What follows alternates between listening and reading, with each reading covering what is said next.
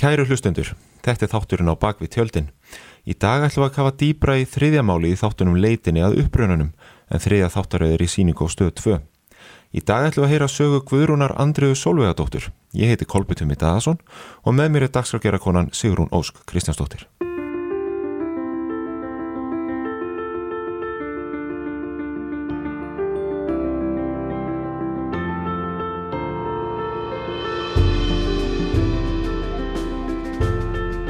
Jæja, segir hún. Þriða skipti sem við hittust og þriða málið því að lókið, mm -hmm. það var stutt, það var eitt tátur, það Já. var svolítið öðruvísi. Já, Það er svolítið gaman svona fyrir suma sem að þurft ekki að býða í heila viku eftir að fá að vita hvernig hlutindir endur. Þetta var þetta tækla á einu kvöldi. já, örgulega hressandi með fyrir óþólumóða að fá þetta bara svona í einum skamti.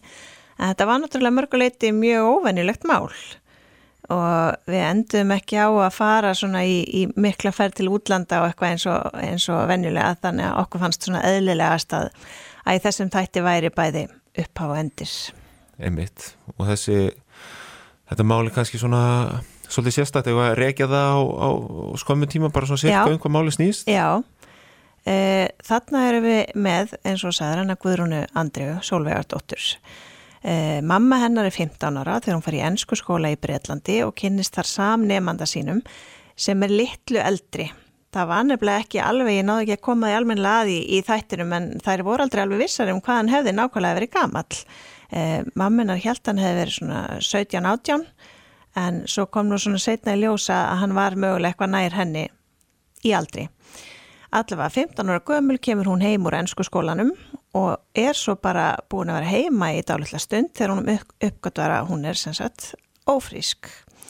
Eh, og hún tilkynir þessum samnemanda í Barcelona að, að hún sé með barni og hann bara tekur því bara eins og, eins og 17-18 ára drengu gerir bara allt í lagi og, og hérna og Guðrún kemur í heiminn mm, og fjölskyldan á hús á Spáni og þau notuð það mjög mikið þannig að þau voru reglulega á Spáni og ætluði alltaf að reyna að hitta hennan pappinar en það bara einhvern veginn tókst aldrei. Hann saðist stundum alltaf að koma og mætti ekki og allt svona frekar undalegt nema mömmunar tekst einu sinni að hitta á hann án þess að vera með Guðrúnu með sér og sýnir honum einhverja myndir af henni og svona og hérna spyr hvort hann hafi áhuga á einhverjum myndasendingum og svo framvegis en hann svona hefur mjög takmarkan áhuga á því og með það fyrir hún heim. Og þau voru þá alltaf með sko einhverjar kontaktupplýsingar hjá fjölskyldinu heimilisfang og einhver svona símanúmer og eitthvað nema þetta bara einhvern veginn endur hún í kassa að því að samskiptin eru eiginlega engin. Og svo svona kemur líka babbi bátinn þegar að Guðrún er fimm ára og þá er mammina náttúrulega bara búin að útskæða sem student og komin á þann aldur og hún ætlar að fara svona komandi sér fótunum og flytja heimann og svona og þá náttúrulega kemur meðlag sér óneitanlega vel og hefur okkur gert það frá fyrsta degi nema hún fer að sækja um það. Og þá svona fer þetta að verða frekar undarlegt. Þá allt innu kannast hann ekkit við eiga þetta fimm ára gamla barn sem hann er búin að gangast við alveg fram að því og ekki einu svona hafa verið í sem ennsku skóla og svona. Nema uh, þetta fer fyrir dóm sem tekur mörg ári í kerfinu og enda með því að hann er bara úrskurðaður fadir bassins neytar meðal annars að gefa sko blóðsýni fyrir DNA-pröfu og eitthvað sem að var alltaf, já, þeim þótt alltaf og að skrítið. En þetta kemur allt saman svolítið út eins og þarna sé bara unglingur að spáni sem er svona svolítið að hlýða því sem að pappan segir. Pappans virtist alltaf vera svona frekar harður á móti því að, að þessi samskipti væri í gangi. Hluta þessu var að enginn í fjölskyldunni uh, hafði möguleika á að gefa blóðsýni. Nei. Þetta var eitthvað mjög endalegt. Já, kemur hann að plagg frá lækni um einhverjar hegðunar og e- einhverjar geðtröflanir hjá föðurnum og hann getur bara ómögulega að það valdi svo miklu róti á tilfinningum hans að gefa blóðsýni og greinlega öllum í fjölskyldinu þannig að ég, ég skil mjög vel að þau hafi svona, já, kannski svona gefið lítið fyrir, fyrir þessar útskýringar á sínu tíma. Nefn að Guðrún samt elst upp við það sko, hún eiginlega elst upp hjá ömmu sinu afa. Af hennar svona gengur inn í föðustad og svo er hún 12 ára þegar að mammenar eh, egnast mann eh, sem verður þá stjúpi hennar og pappi tvekja sískin hennar þannig að hann er svo sem vantaði ekkert ekkert endilega þriðja pappan og þetta er bara svona, svona líða árin án þess að nýtt sér mikið upptíkin af þessum pappa á, á spáni þanga til þanga til hún sest niður fyrir fram að sjónvarpitömi. Það var, það var eitthvað gott í sjónvarpinu, ekki? Jú, einmitt. Og það er reyndar, ég voru með þetta hlæðið einn daginn inn í klipinu að í þremur af þeim fjórum þáttum sem eru í þessari þáttarið að þá kviknar þetta svona að fólk sest niður og horfir á leitinað upprunanum. Þannig að mikil er ábyrð mín í þessum málum. En, en já, hún sést að gera það og hún sagði bara, ég man hvar ég satt þegar ég horfði á fyrsta þáttin og þá er verið að lýsa bara tilfinningu sem ég vissi ekki eins og ég hefði veist, þá er það þetta með að það vantar bara pústl, það vantar bara eitthvað að kabla og það eru bara hluti sem þú veist ekki sem að þú bara finnur að, væri gott að vita. Bara svona, hvaðan kem ég og, og hérna já, hver er ég svona í og með? Mm, þannig að hún sendi mig post fyrir tæpum þreymar árum.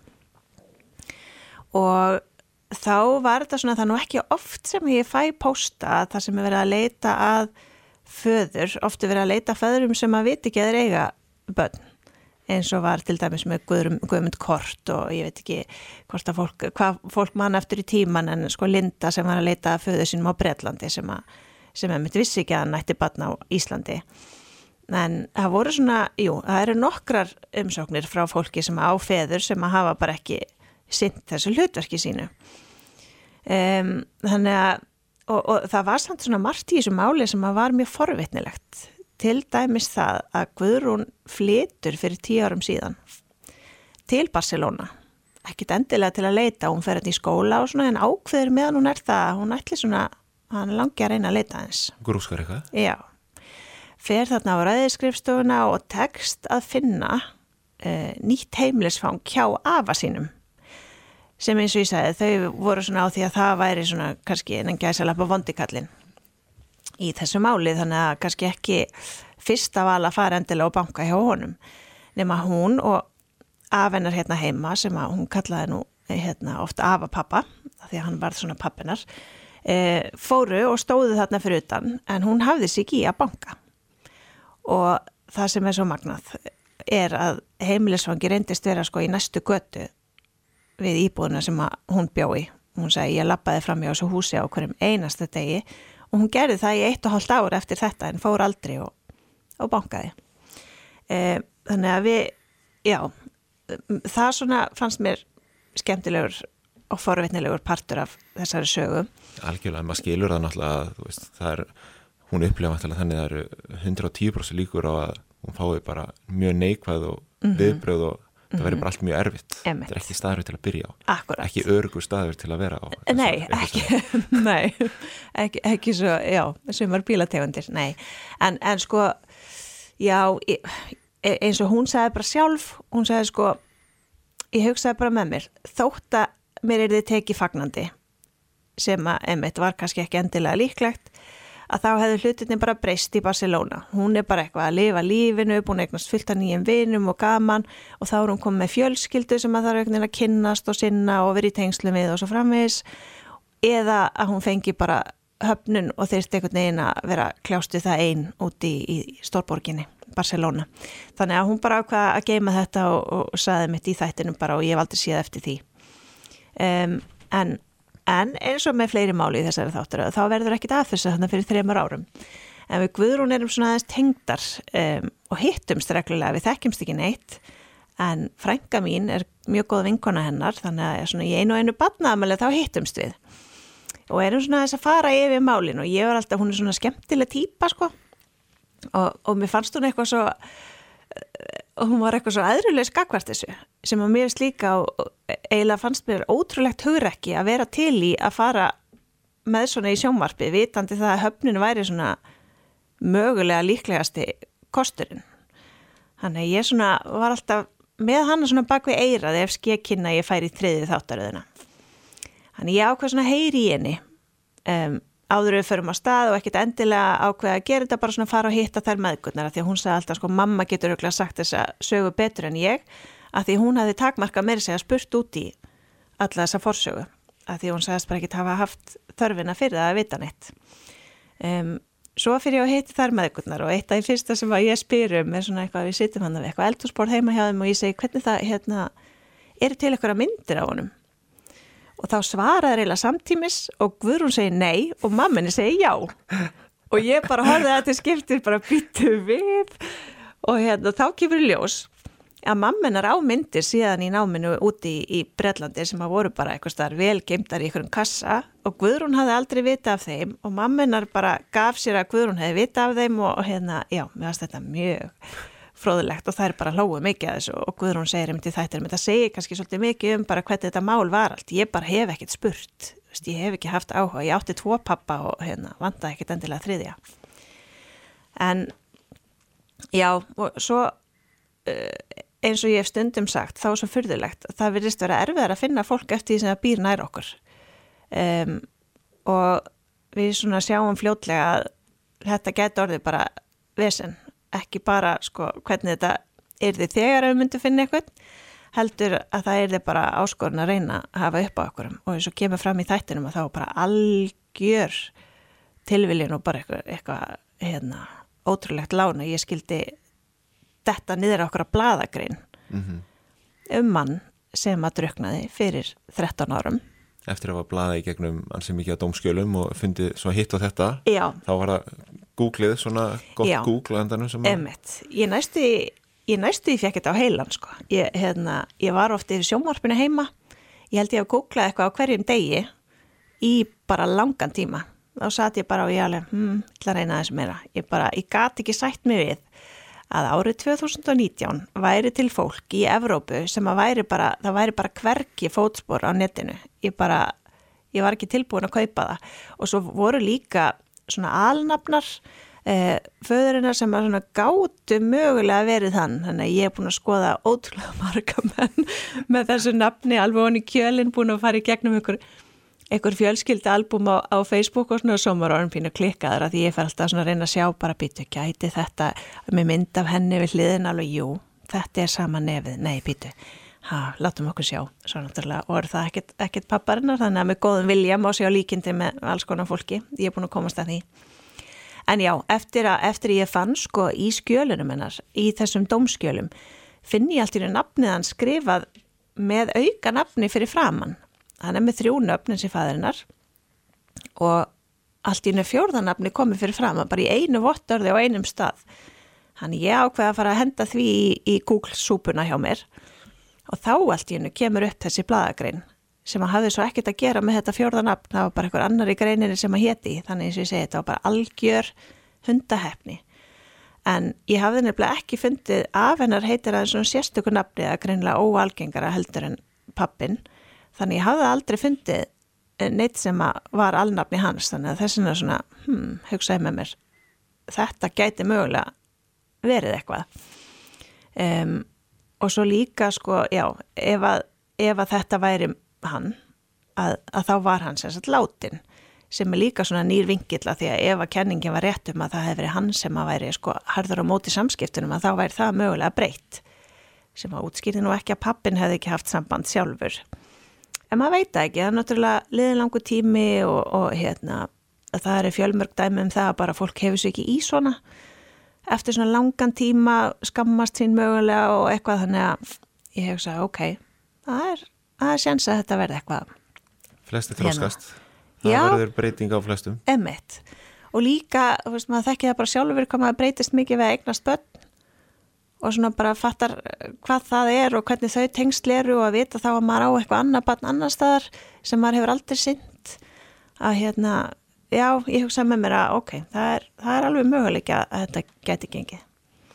Nefna í þessari bladagrein er nafn á um, háskóla kennara og mér tekst að grafa upp sko netfangi hans og símanúmer Við sendum honum post, kemur svo í ljós, að það er konan hans sem er sérsagt náskild pappina Guðrúnar. Og hún var svona mistöguleg að svara postum en eftir að við sendum sko ekki posti í, í nafni Guðrúnar fyrst heldur hennar Kristínar Erli sem hafa hérna aðstofa okkur með spænskuna og svona. Og hún svarar henni strax og segir uh, þekkir hann? Að því við sæðistur að leita að að þessum föður. Þekkir hann eða ert í tengslum við eitthvað sem þekkir hann? Sem var svona pínu undarlegt svar. Uh, eða svona eiginlega bara á, á, á vondri íslensku bara meikaði alls ekki sens nema hún vissi af Guðrúnu. Mm -hmm. að því að hann svona, já, las það á milli lína að, að hún svona vissi mögulega nætti eitthvað dóttur á Íslandi og grunaði þá að, að þetta tengdist í eitthvað. Þegar það var eitthvað dóttir að senda post þannig þannig að Guðrún sendir henni bara langan post um að, að hann er langi að finna þennan föður sinn og þá kemur þetta svar sem að við áttum. Já, eiginlega bara ekki sko flestu ámaður vona og maður heldur alltaf að maður sé búin að teikna upp allar mögulegar útkomur í höfðin á sér en þetta var svo sannlega ekki einu af þeim sem við heldum að kemur til greina. Því að hún svarar okkur og segir að hann sé sem sé langt leittur heroín fíkil og situr í fangelsi sem eru bara á svo margan hátt ömulega fréttir en skýrir samt ímislegt til dæmis bara þú veist að hann sagðist alltaf að koma og kom svo ekki og ég menna fólki óreglu er kannski ekki það stabilasta og líka bara ég menna hann er bara ekki funkarandi einstaklingur. Þannig að það var ástæðan fyrir því að hann hefur aldrei haft samband og hann átt engin önnu börn, foreldrar hans bæði látin. Uh, og þetta var sannlega afinn sem að druknaði þarna í ljótu slísi fyrir þessum árum síðan fyrir sex árum og en eitthvað lengra síðan að ammenar dó Þessar fréttir fæ ég þar sem ég er í útilegum í fjölskyldinni á Suðurlandi. Og auðvitað er maður í þessu til þess að ég er að segja frá þess að því að sumir hafa spurt akkur ég sagði henn ekki þessar fréttir sko? Akkur ég mætti ekki með myndavél og gerði það? Um, og það var bæði að því að ég var bara langt í burtu og þegar að sko Kristín fær þennan post frá frængunni þá er hún stött Erlendis. og og, og pósturinn hennar hafði ekki verið að skila sér þannig að hún sér það sko þegar það eru þrýr dagar síðan hann kom í innhólfið. Og við vorum náttúrulega búin að býða og býða, hún búin að senda frængunni sko eitthvað hjartnægt brefum að hann langaði að leita uppruna síns og, og kynnast föðurfjölskyldinu og kemur bara ekkert svar. Þannig að hver dagur var eins og mánuður að býða eftir þessu svari. Þannig að þá voru tindir þrýr ég starf út á landi um, og einhvern veginn hugsaði með mér á ég, á ég að ringi hana og segja, herri ég þarf að bóka tökur þá veitu náttúrulega ég þarf að segja henni eitthvað. Á ég að taka fram að það séu vondarfréttir og láta hana býða í eitthvað daga eftir því eða eitthvað inn að láta hana halda að það séu mögulega góða fréttir. Ég bara og auðvitað maður í þessu til að búa til sjómarp en þú veist, fyrst og síðast þá langar mig að geta bara sofið á nóttinu með góðri samvinsku og ég get bara ekki hugsað mér eitthvað inn að draga fólki gegnum eitthvað svona og hérna að ég veit ekki, ég fannst þetta bara eitthvað svo það var eitthvað svo umurlega döpur útkoma og mér fannst bara eitthvað neinn rosa líti á því að græða að hérna að banka og, og hérna segja þetta með myndavelarnar hangandi yfir okkur og, og deila því eitthvað neinn með þjóðinni. Það skrifast á minn rekning og það hefur líka frá upp að bara verið eitthvað neinn mark með mitt að fólk geti bara þú veist, gengi sátt frá borði í þessu. Og þetta er ekki gert til þess eitthvað neina að ég veit ekki. Þótt, þótt að sé líka markmið að sína bara raunveruleikan eins og hann er. Og ég meina svona getur útkoman verið. Þú veist þetta er ekki alltaf eh, bara flugaldar og, og allt frábært. Við veist nefnilega líka ábyrða hluti að, reyna einhvern veginn að matriða þannig og ný fólk að sína bara þegar allt gengur vel og allt er eins og það á að vera um, eins, og, eins og maður hefur séð að er viða erlendist þá enda allir sér þætti svo leiðis að fólk hittist og, og fellir í faðma en, en þú kannski svona einhver leiti, þessi þáttu var svolítið, öð, svolítið öðruvísi að þið leggir náttúrulega upp með það að niðurstaðan eiginlega frá byrjun mm -hmm. þó þessi mhm. alltaf óvisa hvort þið finni eitthvað eða allt þetta mm -hmm. það er alltaf miklu líklegri að niðurstaðan sé slæm Já, þóttu maður er samt alltaf að vona eitthvað neginn að það geti farið einhvern veginn öðruvísi.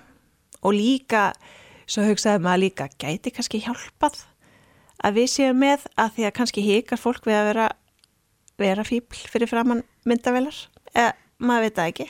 Og hérna maður svona datt alveg í hug að hérna mögulega geta gert það þótt að vera kannski ekki líkurnar væri ekki okkur í hag. Það er alveg rétt í þess Þetta er kannski svona Þetta er versta nýðustöðan kannski, verstu svörin sem þið hefði fengið í þáttunum eða ekki eða eitthvað? Erfitt að velja á milli bandana sem? Já, já, sko við höfum einu sinni farið út án þess að finna neitt uh, sem er náttúrulega og ég veit ekki alveg hvernig maður á eitthvað að leggja mata og sko hvað er hvað er verst og, og allt það en ég samt sko, ég segi við Guðrúnu strax þegar þetta kemur í ljós ég segi, ég, ég ætla ekki að veist, neyða þig til þess að bera þetta borð fyrir þjóðina. Og ég bara laði það í hennar hendur og náttúrulega líka ef hún myndi ekki hitta neitt og eða ekkert kæmi ekkert út úr þessu að þá er þetta svona hálf endasleft eitthvað. Þannig að það var alveg valkostur að bara blásið af. En ég var mjög glöð að hún ákvaða að láta bara slagstanda og segja frá þessu. Ymmit bara til að sína þetta að hérna að svona er þetta en samt ekki minnst til að sína að sko hún er bara sátt við þessa útkomi að því að hún fekk sín svör og svör eh, var það sem að hún var fyrst og síðast að leita að mm -hmm. emitt, ekki, ekki þriðja pappanum eða eitthvað hérna. Hún var með stert bakland og hafði mögulega átt betri pappa þannig síðan margir aðrir já. í afa pappa sínum eins og Akkurat, hún kallaðan já. Hún fær, hún fær þessi svör þannig að hún er búin að púsliða búið Akkurat. Hún getur lagt það til hér Nákvæmlega og hún fekk, hún sagði, nú get ég bara hægt að hugsa bara hvað ef og hvernig væri lífið ef ég þekkt hann og þú veist, núna bara veit hún og það er einmitt, ég held að óvissan sé verst, ég held það mm -hmm. þannig að okkur tókst að finna hann, við vitum hvað hann er og svo náðu hún að hitta frængu sína, þannig að þú veist, hún er meiri segja komin með eitthvað svona, eitthvað einsýn inn í fjölskylduna, hún er búin að fá að sjá myndir af öllum sem ég held að sé líka bara, þú veist gott og gaman að, að fá að gera. Og hérna þær hittust hann að löngu fundi, hún fekk upplýsingar um allt sem hann hefur alltaf langað að vita. Hann eins og ég segi hérna útkaman að sjálfsögðu ekki eins og við hefðum helst óskað okkur en, en samt, þú veist, útkoma á svör. Það er samt eitthvað, einmitt fundurinn með sýsturinni út í Barcelona er eitthvað svo mikið svona ég veit ekki hvernig að útskýra, eitthvað svona fólk er bara fólk, hún er mætt þarna alveg mjög stressuð, búin að keira eitthvað fimm tíma leið þarna frá þar sem þegar húsfjölskyldarna á spáni til að hitta hana og veit eiginlega ekkert eins og svo oft mm. hvað er að fara að gerast og, og auðvitað mæti sýstirinn þarna og frænkan, frænkan segir hérna, frænka hennar og, og hérna og það er spjalla bara í, í fimm klukkutíma sko. fara yfir allt Já. og bara hún á bara frængu og, og heimbóða spáni. heimbóða spáni og, sem er náttúrulega opbúslega fallet líka. Emmett og svo náttúrulega veit maður nú aldrei heldur. Um, það eru auðvitað mörg dæmi þess að fólk ná að rífa sig upp úr óreglu. En ég var samt sko, ég eiginlega dáði staðinni og eins og segi, hún er bara svo vilt töffari hún, Guðrún, hún ákvað bara strax að hann langaði ekki að reyna að hafa samband við hann. Og sem ég held að sé hárétt ákvarðin með að við allt sem við höfum heyrt. Og því miður og það er náttúrulega bara þegar fólk er búið að vera á þessum stað í þetta langan tíma þá er, er vonin kannski ekki mjög mikil en ég meina ef og ef og hún er þá með eitthvað í fjölskyldinu sem maður getur þá látið hann að vita því mm. ef að staðan verður eitthvað tíman öðru við segja betri Algjörlega mm. en það var náttúrulega þetta móment þarna þetta ár eða hvaða var langu tími eftir hún fattaði að, að pappi hans átti heima þarna í, í næstu götu sko Já. það er þetta rökkveða stökkva sko ég er svona mér finnst eins og með hverju árun sem líður þá einhvern veginn það er einhvern veginn alltaf þannig að maður sér eftir hluturna sem maður gerir ekki en það er sjaldan, þú veist, jáfnvel þó þið séu ríkilega leðilegir, þá mm -hmm. bara eins og það fara út í þetta og fá svörin, þau voru ömulega þau voru svör sko mm -hmm. og skýrðu hilda myndina. Já, já og það er nefnilega, ég hugsa alveg þegar þegar ég fekk staðfestíku á að, að hérna, þetta hefur verið afinn og svona væri hlutirnir og eitthvað hérna frá frængunni og þegar við fáum að heyra meira um hennan afa sem að var vist vænsti kall. Mm -hmm. og, og hérna hún er mitt saði við Guðrúnu sko hann hefði tekið þér opnum örmum og, og hérna faðmaði og, og svo framvegis og hérna hún sagði um sjálf þetta þýðir ekki að svekja sig á því þú veist það er bara hérna gert er gert og þetta er ákvörðun sem hún tók á sínu tíma og hérna hefur ekki síða eftir. Semst að banka ekki en þá náttúrulega var hann á lífi kallinn. Og maður veit þá ekki hvað, hvaða atbörðar ás hefði farið þá í gang. Og hann eiginlega einhver leiti uh, lítur svolítið út fyrir að vera kannski ja, góði kallinn getur sett inn að gæsa lappa aftur ef hann var svona, þú veist, það var eitthvað svona hugmyndum að hann kannski bara sá fyrir sér að þetta væri ekki eitthvað sem að uh, Guðrún Andriða myndi vilja. Þú veist, um, föður í, í neslu og, og í, í tómi tjóni sko. Emmett, væri engin hagur í því fyrir hana. Ég samt svona fyrða með á hann hafi ekki bara og, og náttúrulega eins og Guðrún sagði sko eftir á, ég minna auðvitað, þetta er einhvern veginn stendur hérna í dómskjölunum mm -hmm. en þau bara uh, keiftið ekki og þetta var svona óljóst og skrítið og akkur komið ekki bara beint frá þeim að ég segi ekki bara staðan er þessi að það hafi ekki bara verið upp á borðum og ég minna, þú veist afennar hefði alveg með einhverju móti finnst manni geta rækta þetta samband sko þótt að en auðvitað ég minna það er náttúrulega bara stórmálega badd sem er statt á þessum stað og þetta var eina badniðan svo mögulega hefur það bara tekið alla hans aðtekli og, og orku, maður veit það ekki. Og, og enninni svo neðar maður emitt að hérna, gíski eður og svona en, en hérna, já En Guðrún Andrið að sagði mitt að, að það var eitthvað lærdómur á þessu, þá er það að dæma fólk ekki fyrirfram. Akkurat. Þannig að við kannski tökum það bara með okkur inn í daginn. Algjörlega, algjörlega. Það er náttúrulega bara eitthvað sem maður á að venja sig á að vera mitt ekki ákveða að þessi sé svona og hins sé hins einn og, og já, búa til eitthvað án þess þess að vita hvernig í málunum likur. Hérna, þú myndist aðeins á þess að hérna, útilögu svo stói. Já. Svo, fóst í sumar, þú er alltaf bara í fríi og alltaf ekstra út á landi að leika með fjölskyldu. Hafa það hugulegt þú átt þín mann og þín börn og þetta.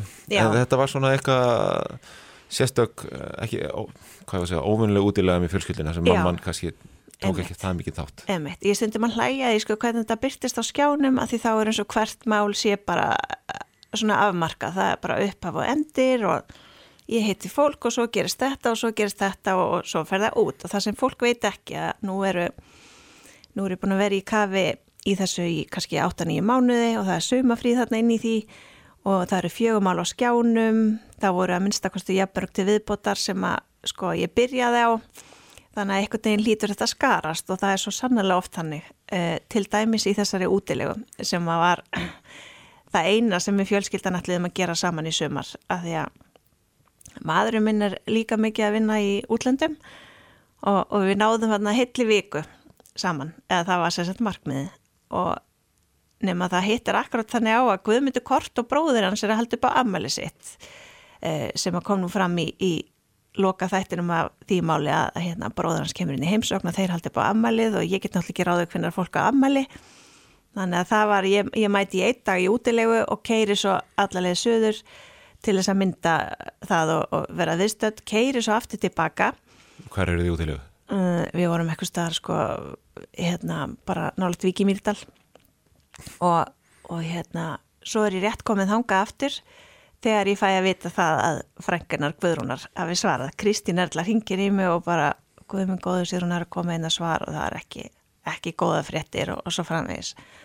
Þannig að þá er ég eitthvað nefn fann að ringja í sko ef mann minn hér að spyrja hvort það sé ekki bara öruglega, ég fá ekki samþekki fyrir því að ég ringi bara láta hann að vita af þessu til að vera ekki að láta hann að hanga og býða lengur og, og hérna, þarna sitt ég í ykkur hjólísi á Suðurlandi ringjandi í, í Guðrún Andrei að segja henni þessar fréttir. Og svo sko þegar að hún loksins fær í ákvæmt svar frá frængunum um að það er getið hist að þá er ég sko á flugvelli á leðindi Kólumbíu.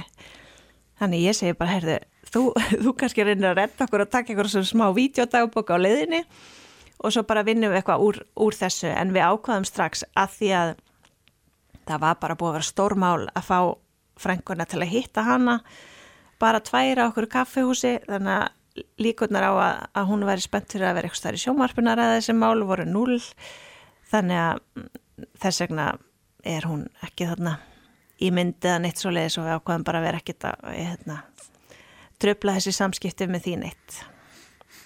En, svona er þetta stundum. En fjölskyldan stendur en þá sterk eftir að mamma þarf alltaf Ég sagði þér fyrir þáttíðan að mamma þarf ekki að djamma, mamma þarf að leita, mamma hleypur alltaf út í lögunni hérna þegar það er akkurat að byrja að leikur í kupp og mamma er bara að fara. Ó, ég veit það, ég veit það, þetta var agalegt, en hérna, jújú, jú, ég náðu nú alveg þremur, þremur heilundögum hann í útilegunni og hérna allir fóru ánaður heim. Og hvað er þetta? Já, já, svona getur þetta stundum verið pínu pínu fyndið og, og, og bara aftur ég hef sagt áður að þetta eru þættir sem að maður getur ekki bara svona reyna að vera skipulaður en þú setur þetta ekkit upp í Excel og þú stjórnar bara eiginlega svona nánast engu í þessu. Algjörlega, og nú eru þrýr eða þrjár sögur sagðar, það er ein saga eftir. Já, hún verður svo á sunnudaginn. Á sunnudag. Það er hann Sigurður Dónis á Vapnafyrði það er nefnilega líka uh, svona um, ný tegundamáli hvað það varðar að hann er sko orðin fimm ára þegar hann kemur ykkar þannig að hann ásýrt töluverða forsögu bara þegar hann kemur til Vapnafjörðar sem að enginn vissi samt almennilega svona hver væri hann er orðin átta mánaða þegar er komið með hann á, á badnaheimili í Guatemala og honum fylgdi mjög takmarkaðar upplýsingar um já, hvers vegna það hefði verið og svona. Þannig ég held að sé líka sko, oft eru börn svo unga eða voru þá eh, sem eru svona á, komin á færtusaldur, það var oft þannig að þau voru bara sko ykkur að vikna þegar þau eru ætlitt og þá er kannski svona minna sem að eiga sér eitthvað svona minni sögu sem er á, á höldu. Þannig að það var svolítið svona spennandi að kafi það mála að sjá hvað okkur tekist að, að grafa upp um ástæði þess að hann, hann var gefinn og endaði á vopnafyrði. Já, mér hlakka sérstaklega til að sjá, ég man eftir nafninu Sigur Dónis, þá þótti mjög efnilegu knaspinumæður á sínum tíma Já, hann er bleið að muna margir eftir því. Það hérna, já, líka svona nafn, kannski með sem að maður mann eftir, hann er nú allt, alltaf kallaður Donni, sko. En hann var alveg ótrúlegt efni og ég get staðfest að hann er ennþá alveg fáránlega flinkur með bolta. Það er til á mynd, fá að sjá það. Frábært, boltabullu landsins muni fjölmennaða fyrir fram að skjáin á Já. sunnudaginn eða í marathóninu, hvernig já, sem er Með vasaklútana. með vasaklútina, Já. heyrðu, við myndust ekki það táraflóð, eins og ég vil kalla þess að þætti Já, þú vilt skipta um nafn. Já, ég kannski halda hinn en hitt verður bara svona innan hús, svona baku tjöldinafni á þáttum Já, svona einhvers konar undirtitill. En það er bara, ég held að sem er þess að 1910 er ekki búið að flýta þáttunum núna Jú, Við erum búin að kveðja framkomi með fannari þannig að þetta er Já. komið núna já, bara 1910 slott emmett, sem er ágætt að því að fólkinu voru svo flinkt á tímaflakkinu. Þannig að þá geta þau byrja að snemma sem vilja það og svo bara hægt að flakka að vild. Einmitt. Herru, ég hlakka til að sjá og við bara verðum hérna aftur eftir tvær vikur, gerum Mhm. upp þann þátt og svo getum við fara að tala um hvernig það verður í seríu 4, 5, 6, 7 og allt svoleiðis. Einmitt, sjáum til með það. Herru, takk fyrir dag sínum. Sumulegis.